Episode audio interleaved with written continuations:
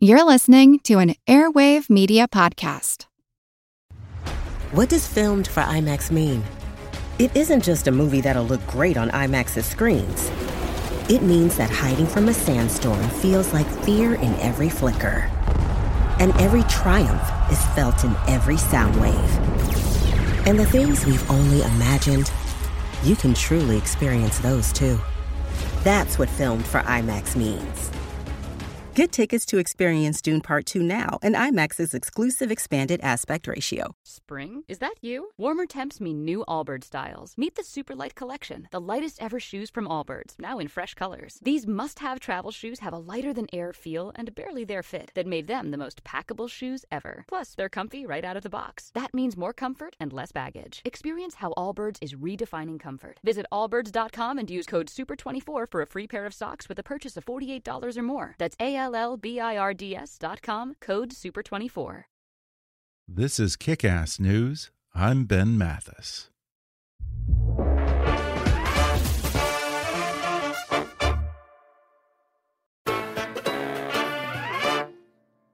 After a wild one night stand, Derek, a successful sports agent, watches his perfect life slowly disappear when he discovers that the sexy and mysterious woman he risked everything for is a determined police detective who entangles him in her latest investigation. As he tries desperately to put the pieces together, he falls deeper into her trap, risking his family, career, and even his life.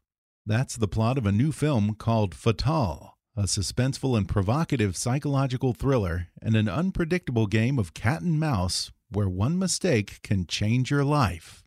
The film, which stars Hilary Swank as a classic femme fatale, opens in theaters Friday, December 18th.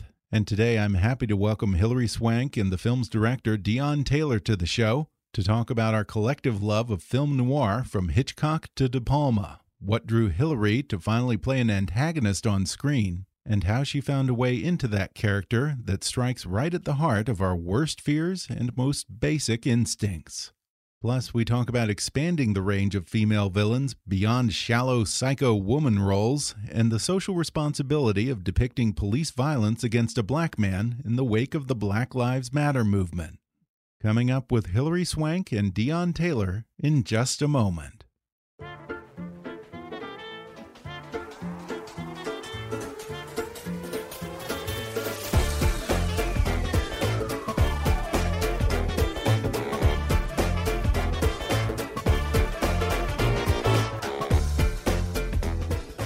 Two time Oscar winner Hilary Swank stars along with Michael Ealy in the modern day noir thriller Fatale, which opens in theaters nationwide on December 18th.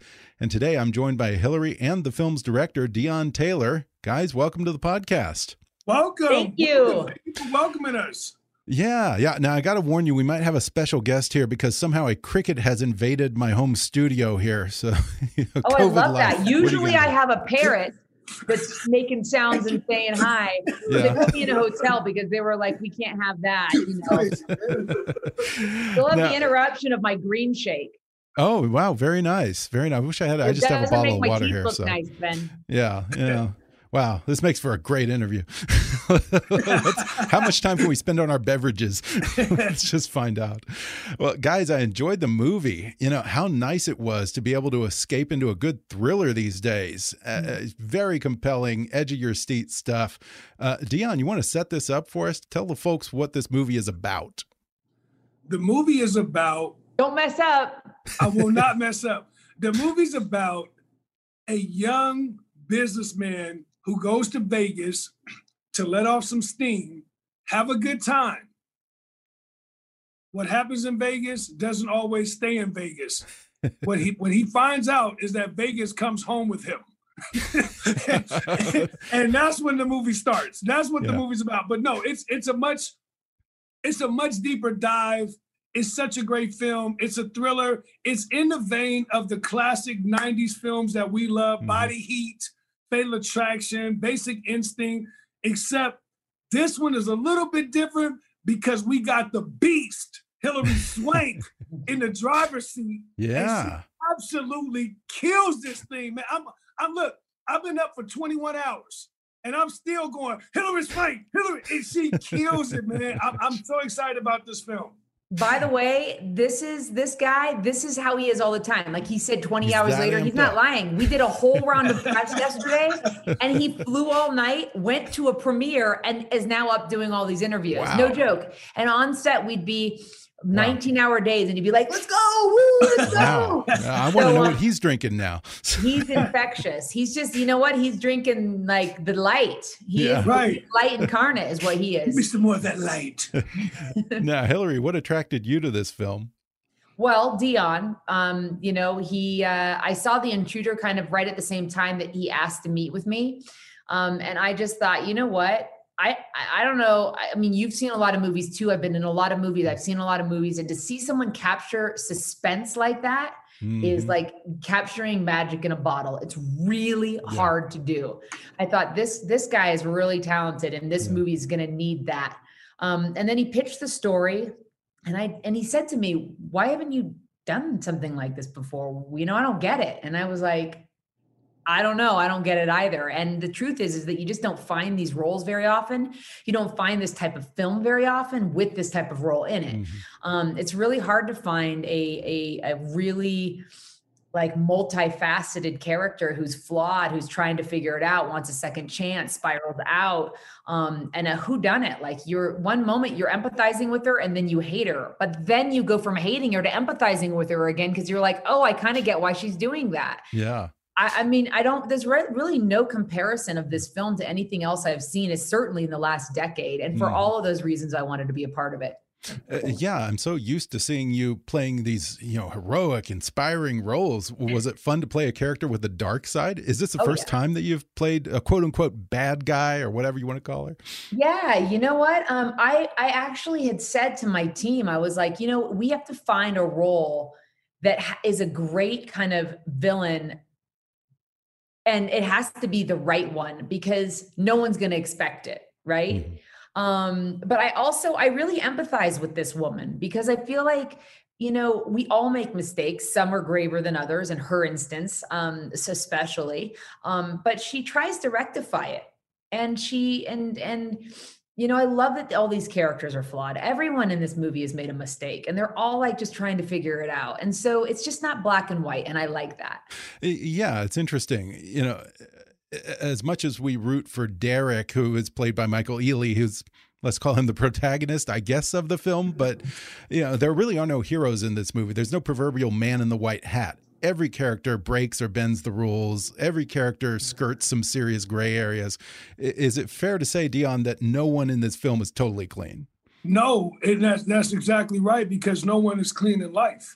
Mm. Um, it's interesting, man. When I think about these movies, um, I was doing a few interviews earlier today, and um, it, it's taken some people a long a long time to understand what a Deon Taylor film is.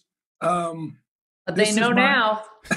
this is this is my style. Uh, I, I, love people that have flaws. I love people that have character traits. I love people that uh, you know are teetering the line of good and bad because mm. that's really what we all are. You yeah. know what I mean? And this style of film, you know, as much credit as I give Hilary, she, she, is a driving force, and so is Ealy. Like this is their this is their their car, and they're mm. driving it. And it's kind of like you put two people on the surface and you're like, all right, let's see what makes them tick. Let's see what makes them, you know, feel angry or feel happy. And what I think we've done differently in this movie is normally in this kind of rotation of these types of films, the person is always crazy. You know right. what I mean? Like I just did one of those. Dennis Quaid was just crazy. You know what I mean? And those those are fun. But Hilary Swank is not crazy. Something happened to her. Mm-hmm. you know what I mean? And it's like, this is what happened to her. And this is what's making her crazy. And I think that little layer right there alone is what makes the movie really mm-hmm. pulsating. Because now you're like, all right, well, she's not just nuts. It's something she's actually fighting for. And no, she's not doing it the right way. But 50% of the people don't do it the right way. You know what I mean? So it's like, whoa, this is crazy. Hilary, you play a, kind of a dark, messed up person, but she has a very relatable and instinctual mm. motive that drives her to do what she does. And Hilary, I understand from the notes here that you were instrumental in developing that more human side of her and that yes. motivation. Is that right? Yes, she was. Um, yeah, you know, and that's what's so great about Deon is he's an incredible collaborator and Roxanne. He puts a team around him that he believes in, and then he says, let's figure this out. And we were in a position with this movie where Dante Spinotti, the cinematographer, only had a small window. And so we had about six weeks to get the script right, to find the locations, to get it cast. And that is like that in itself with a with a teeny tiny budget um, is, is a big feat. So we were just working like burning the midnight oil to get all the characters fleshed out and to find this. And thankfully, Deon was like really, we were just like hitting it back and forth all the time, whether it was like, you know, in person, but he, we didn't live, you know, I live in LA and he's up in Sacramento. So we were just constantly sending emails back and forth with like scenes and stuff. And, um, and it was great. It's just like to be able to develop a character with someone who has such insight and um, is, was extraordinary. Yeah. Now, am, am I giving away too much if I tell folks what that motivation is? You you guys tell okay, me. don't you, Deon? I'm thinking. Ask that cricket. That's that cricket. that cricket is silent right now, thankfully. so, so Hilary, maybe I should ask you to do it. I, am sure you can say it better than I can. Sure. What okay. So, um, we have a woman who, um, you know, is it's what's great too is that this is told in like these flashbacks. So you get like snippets of like what mm-hmm. her motivation is. Um, Deon did that really well. It's not linear, and it's um, it really like helps unfold the story well. But essentially, it's a woman who makes a grave mistake.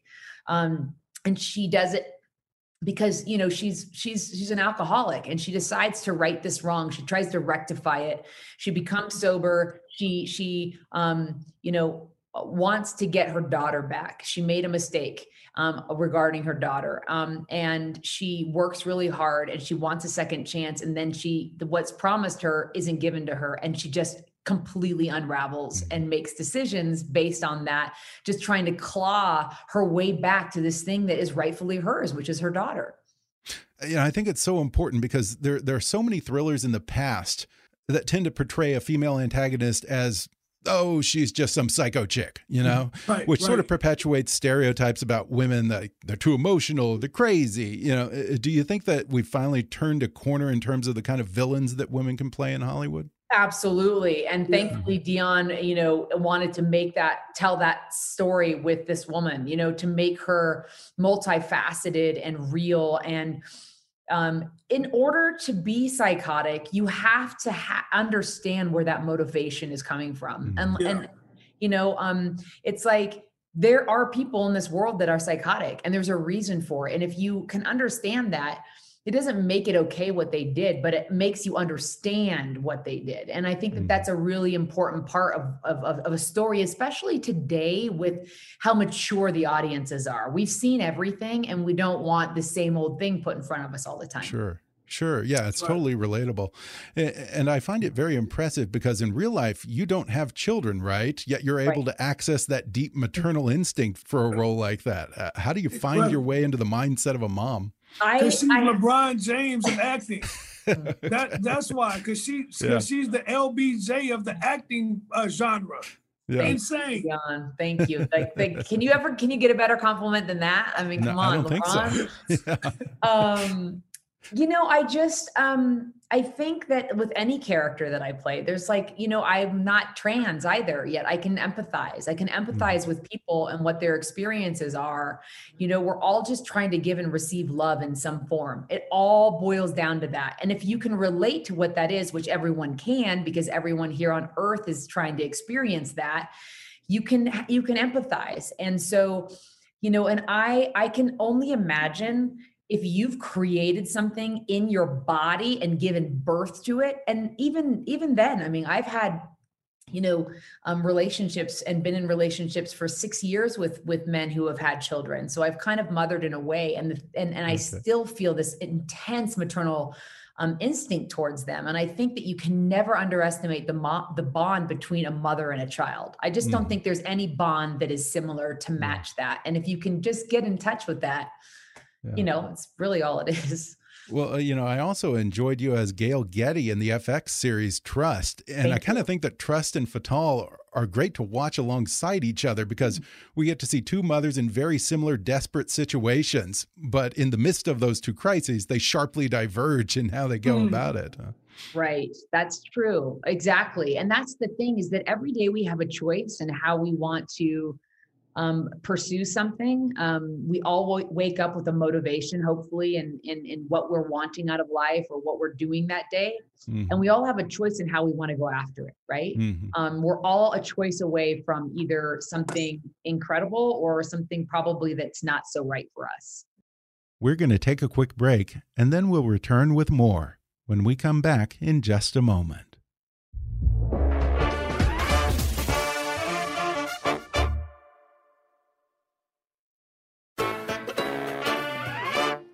I think that that's one of the most compelling conventions of noir, Deon, because you know everyone makes a mistake in life. Probably everyone has broken some law, be it very small, you know, rolling through a stop sign or something very big. There may even be times when we've skirted some ethical boundaries, or maybe those boundaries weren't clear at the time, but we got away with it. And that's yeah. what I love about noir is that it asks, "What do you do when you get caught?" Man, that's it. That's the bottom line. What do you do when you get caught? Mm-hmm. And also, like, you know, look, man, if if you're a film buff like I am, or you really enjoy films, you also understand that some of these movies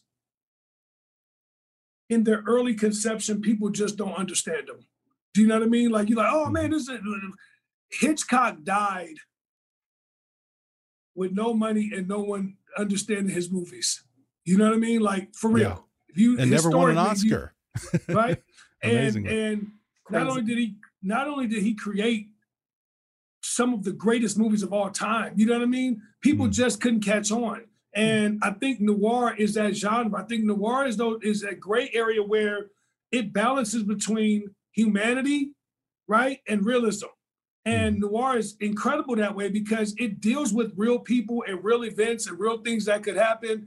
And that's how you get strangers on the train. You know what I mean? Like those, yeah. those are those are like real things that people are thinking about, but movies sometimes are too scared to do, you know? So I think this film is so great, man, to pay homage to Hitchcock and, you know, and, and, and Lyne and all those guys that mm-hmm. kind of did this early on and was like, yo, I'm just making movies because I feel it, I know what it is, and it's real. And sometimes that scares the masses, but this movie to me yeah. is like I'm watching people respond. Before you got on with us, Ben, I was just telling Hilary, I was like, yo, I was at a thing last night watching this film, mm-hmm. and I had two NBA athletes get out their car. It was at a drive-in, and 50, 40 minutes in, and be like, yo, this shit. I was like, they was like, man, my wife in the car going crazy. And I'm like, I know. And they just loved it, man. And I said, man, this is when you feel really good about mm-hmm. cinema, when you do something that is un- uncomfortable and not normal. So yeah. Yeah. I love noir. Oh yeah, yeah. Who doesn't? Now uh, yeah. uh, you mentioned a minute ago that you're a big fan of '80s and '90s noir. Uh, when you're delving into this genre, who are the directors that you draw inspiration from? That's Hilary Swank right there. you no, see I, me I, in double. Obviously, obviously, Lyne is exceptional for what he delivered with Fatal Attraction. Mm -hmm. um, but but you know, Hitchcock, man. Uh, everyone that really knows me well, they know I, am a giant Hitchcock fan. Um, I, the books, uh, everything about him, I just loved what he was doing. I loved how he was thinking. And I mm-hmm. loved that he was just a factory making films. you know what I mean? Like yeah, yeah. Every year. Yeah. Every year. And that's what I try. I pride myself on. Just go, man. Just make dope movies that speak to people and let yeah. everyone else catch up. And um, those are my two favorites. And then obviously my top is Steven Spielberg. I'm, I'm mm-hmm. I've never had an opportunity to meet him, um, but one day I will. But like, I just love him. Like, I like, I like yeah. that he was able to make E.T. and The Color Purple. Those two, them, they don't go together yeah. at all. And Jaws. and Jaws, yeah. and and it's like that's how I think. And uh, he and, just makes you know, cool it, movies in in the same year he made uh, you know the Oscar winner Schindler's List and yep. the greatest box office hit of all time Jurassic. Park. Right. Yeah. So if you know if you know him, tell him I said tell him it's a young black filmmaker that just wants to say hello to him one day. okay. now Deon, you're pretty prolific yourself. I understand that you have put out pretty much I think 3 movies within almost a year, is that right? Yeah, uh, last year yeah, last year was pretty exceptional, man. I think I joined the list. Uh, I don't have it in front of me. Someone sent me a big congratulations. I think it was James Cameron, might have been Spielberg, and like Tyler Perry, like the only two people, wow. three people to ever put out two feature films worldwide in the same year. Hmm. So yeah, we released The Intruder 2019 and Black and Blue. Uh, and then now if you add Fatale to right now, it's kind of like yeah, we did three in like yeah. 18 months or something. But, That's crazy. And Deon, but the other thing is, is you did Fatale before Black and Blue. That's and so right. you really did three, three, like in a year. Yeah, yeah, that's right. Wow. You're right. That's crazy. I don't even think about it like that. We just keep working. Like I'm, I'm, I'm, being right now. I'm trying. I'm getting ready to send Hilary another script in a minute. So that's how oh, yeah? I break it. And we're already developing another story as well that with without yes. in it, just to produce yeah. together. You yeah, two are a factory. yeah, we, we should talk about that when we have time. They, they got an amazing yeah. project. Her and her husband Philip. Woo! They mm-hmm. got a real story, man. People are gonna be blown away by this. Yeah. And, Hilary, it was so great to see you play a modern day take on the classic femme fatale. Are, are you a fan of those great old noir actresses like Veronica Lake, oh, Stanwyck, Rita Hayworth, those kind of people? Yes, absolutely. I'm. I mean, just to think of like you know that's that just is that the stuff that they were doing is not easy to do you know mm-hmm. it's not it's kind of like comedy in a way like comedy's hard to do and that type of genre is hard to do and they were i mean they were they're legends right um and to think like that you have to go that far back to think of something that kind of resonates with this story is so telling that we yeah. i think have have um kind of recircled back to something that people love that we just it's just hard to do. Mm-hmm. it's just mm-hmm. hard to find that right script. Hilary you got to work with the king of 80s noir brian de palma on the black dahlia. What was he like as a director? He's really he's great. He's really intense you know? He's like um he's uh he's like he's a visionary like he's a he's a great director mm-hmm. like many of the directors i've gotten to work with um i say intense in a good way you know he's very focused um he knows what he wants um you know it's like uh I just think of of all the directors that I've gotten to work with who like have such experience under their mm-hmm. belt. What a blessing for me as an actor to get to learn from them and and yeah. um collaborate with them. Brian De Palma is he another one of your favorites, Deon? 100%. Yeah. Insane. Insane. I mean, you know, what's great about these guys, man, is you can really see how incredible they are. And then, you know, one of the things that I'm envious of that I haven't had an opportunity to have yet is a budget. you know what I mean? So That's right. you you get you get you see these guys like, damn man, like I wanna I wanna I wanna play like that. You know, mm-hmm. this film was done for six million dollars. A lot of people don't know that Fatale. Um, and shot in 25 days which wow. is pretty nuts. You know what I mean? But yeah, yeah, we'll get there. But all these great, you know, directors, man, I, I love them. I study them. I'm, I'm honored to see their work. And I try to take little bits and pieces because you have to remember I'm self-taught. So mm-hmm. a lot of what I do as a filmmaker is watch and learn and kind of study what they're doing in order to kind of get my my thing going. But man, De Palma is insane. What are you talking about? Are you kidding me? and I also want to give a shout out to your director of photography, the great Dante Spinotti, yes. whose credits include LA Confidential, Heat, The Insider. Is he basically a director's dream? He's everything to me, man. He changed my life. Mm -hmm. Um, uh, changed my life, man. That, and people say that sometimes. I'm telling you, I'm, I'm probably as authentic as it gets. Changed my life. Uh, walked into my life was like, man, you're one of the coolest film, filmmakers I've ever met, and I want to work with you. Actually turned down a $150 million movie to work with me on a $5 million film. Wow. And um, this is kind of what God does at, at, times, man. But when you talk about De Palma and Spielberg and Dante's name is in that boat. you know what I mean? Like, period. Yeah. So you're talking about someone who made Mike uh, uh, Michael Mann's Manhunter, you know, uh, man, Last of the Mohicans, Heat, Public Enemies. I mean, this is this is this is the real this is the real deal. You know what I mean? So yeah. his work. I just said this a moment ago, Ben, and I'm, and I'm telling you about all your listeners this too. If you don't like Fatale, I will challenge you to turn it down and watch it hmm. because yeah. what he does in this movie is not normal. It is incredible every frame I mean, you're talking about there's a scene in a movie where Hilary is talking to Damaris Lewis in a bedroom, a beautiful bedroom is that's actually yellow because it's beaming caution. Okay, the light is saying caution. And if you look past Hilary's shoulder, there's a tree in the back that are all the colors of Las Vegas from the scene before.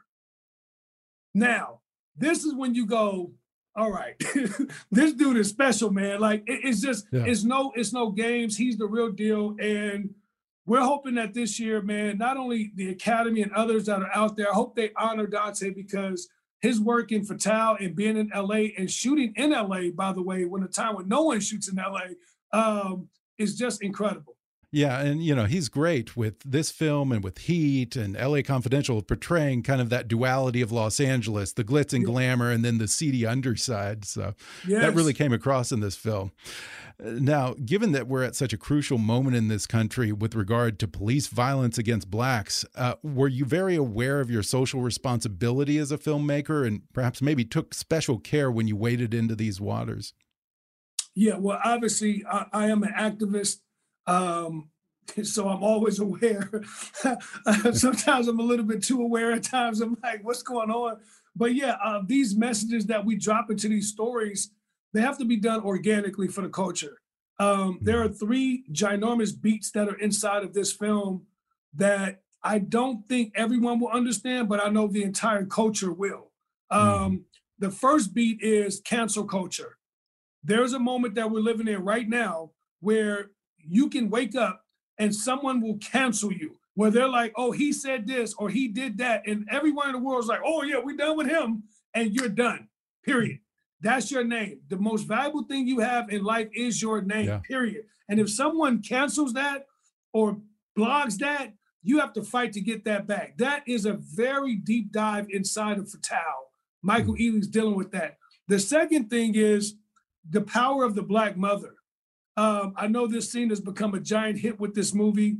Um, the black mother inside of the black household is the strongest thing we have because oftentimes the mother is who is raising all of the kids because we've had so much different things happen with the black man in the household. So there's a powerful scene in this film where Michael Ealy deals with his mother. Um, and although he's been canceled, and life is upside down for him, his mom actually turns him right side up.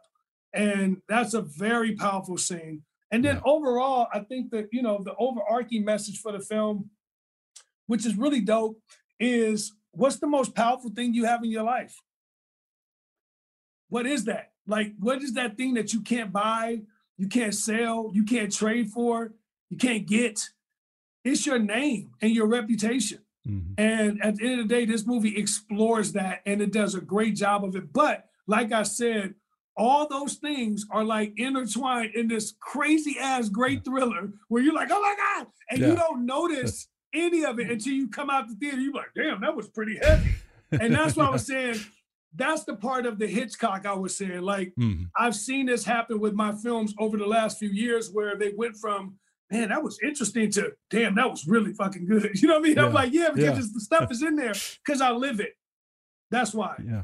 Well, you know, it's also just nice to have a thriller that keeps you on the edge of your seat and offers a little escapism from the heaviness of COVID life these days. Thank you both for that. Fatale will be released in theaters nationwide December 18th. Hilary Swank and Deon Taylor, thanks for talking with me. Thank you, Ben. It's been great. Thank you, Ben. Thank you, Cricket. thanks, guys. Thanks again to Hilary Swank and Deon Taylor for coming on the show. Once again, Fatale opens in theaters December 18th. For showtimes and more information, visit fatale.movie.com. If you enjoyed today's podcast, be sure to subscribe to us on Apple Podcasts and rate and review us while you're there. Five star ratings and detailed reviews are one of the best ways for new listeners to discover the show. You can also follow us on Facebook or on Twitter at, at KickassNewsPod and recommend us to your friends on your social media. For more fun stuff, visit kickassnews.com, and I welcome your comments, questions, and suggestions at comments at kickassnews.com. For now, I'm Ben Mathis, and thanks for listening to Kickass News.